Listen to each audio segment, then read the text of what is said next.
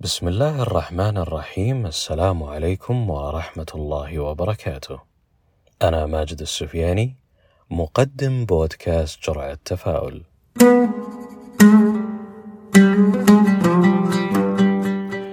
بطبعنا نميل إلى أن تكون الأشياء اللي حولنا كاملة والأعمال اللي نقوم فيها متقنة. وأكيد بعض الأمور مثلا خدمة مقدمة لك أو تعامل شخص معك أو سلعة تملكها يكون لها بريق خاص إذا كانت كاملة من وجهة نظرك وعلى أتم وجه ونالت رضاك الكامل أيضا.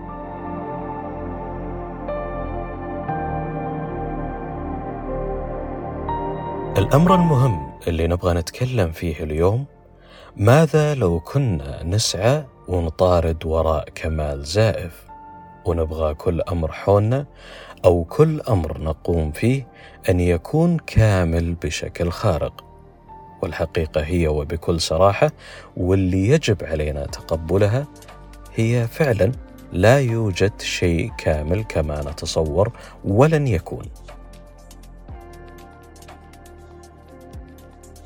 طبعا شيء جميل أننا نسعى للكمال طالما إنه في حدود المعقول. لو نفكر ونتأمل شوي بكمية المجهود المبذول في أمر معين للسعي إلى الكمال المبالغ فيه وذا السقف العالي نجد أنه فقدنا أمر من اثنين.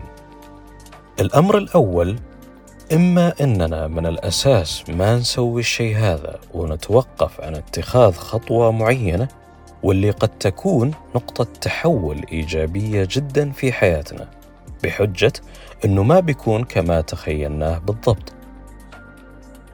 الأمر الثاني إذا فعلا اتخذنا الخطوة وبدأنا التنفيذ نكون فاقدين لذة الرحلة للوصول إلى الهدف. كل همنا وجل تفكيرنا أن الشيء هذا يكون خارق الكمال لدرجة من الممكن أن ينقلب السحر على الساحر وتدهور الأمور وعلى رأسها صحتنا النفسية والجسدية والعقلية وعلاقاتنا الاجتماعية وغيرها. وبالتالي أصبحت أهدافنا الآن تحت تهديد الفناء وأنها ما تتحقق.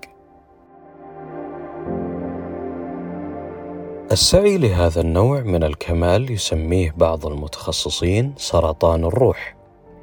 لما فيها من استنزاف للطاقة بشكل مبالغ فيه وزيادة التوتر وشعور بعدم التركيز ابدا. ولك أن تتخيل كيف تنجح بلا تركيز من الأساس. أو حتى من الممكن هذا السعي يمنعنا من اتخاذ الخطوة الصحيحة والمهمة في حياتنا وهذا معناه وبكل بساطة أن حياتنا متوقفة تماما بلا لون أو نكهة. والباحث عن هذا النوع من الكمال الناقص ما يشوف في حياته إلا لونين الأبيض والأسود. والحياة ليست كذلك فهي مليئة بالألوان الجميلة والرائعة والخيارات العديدة اللي توصلنا للهدف بدون ما نستهلك أنفسنا بشكل لا يليق.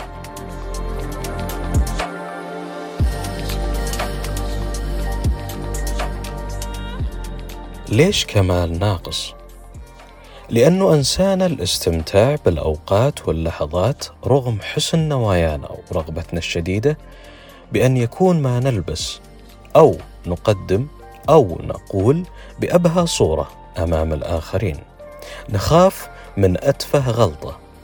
نهول الأمور ونعطيها أكبر من حجمها. والناس هم غالبا بيشوفونك بصورة رائعة جدا بنصف تعبك اللي تتعبه الآن.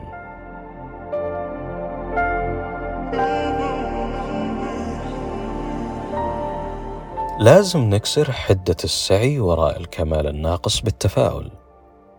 ما نخاف من ارتكاب بعض الأخطاء بل نستغل الفرصة ونتعلم منها.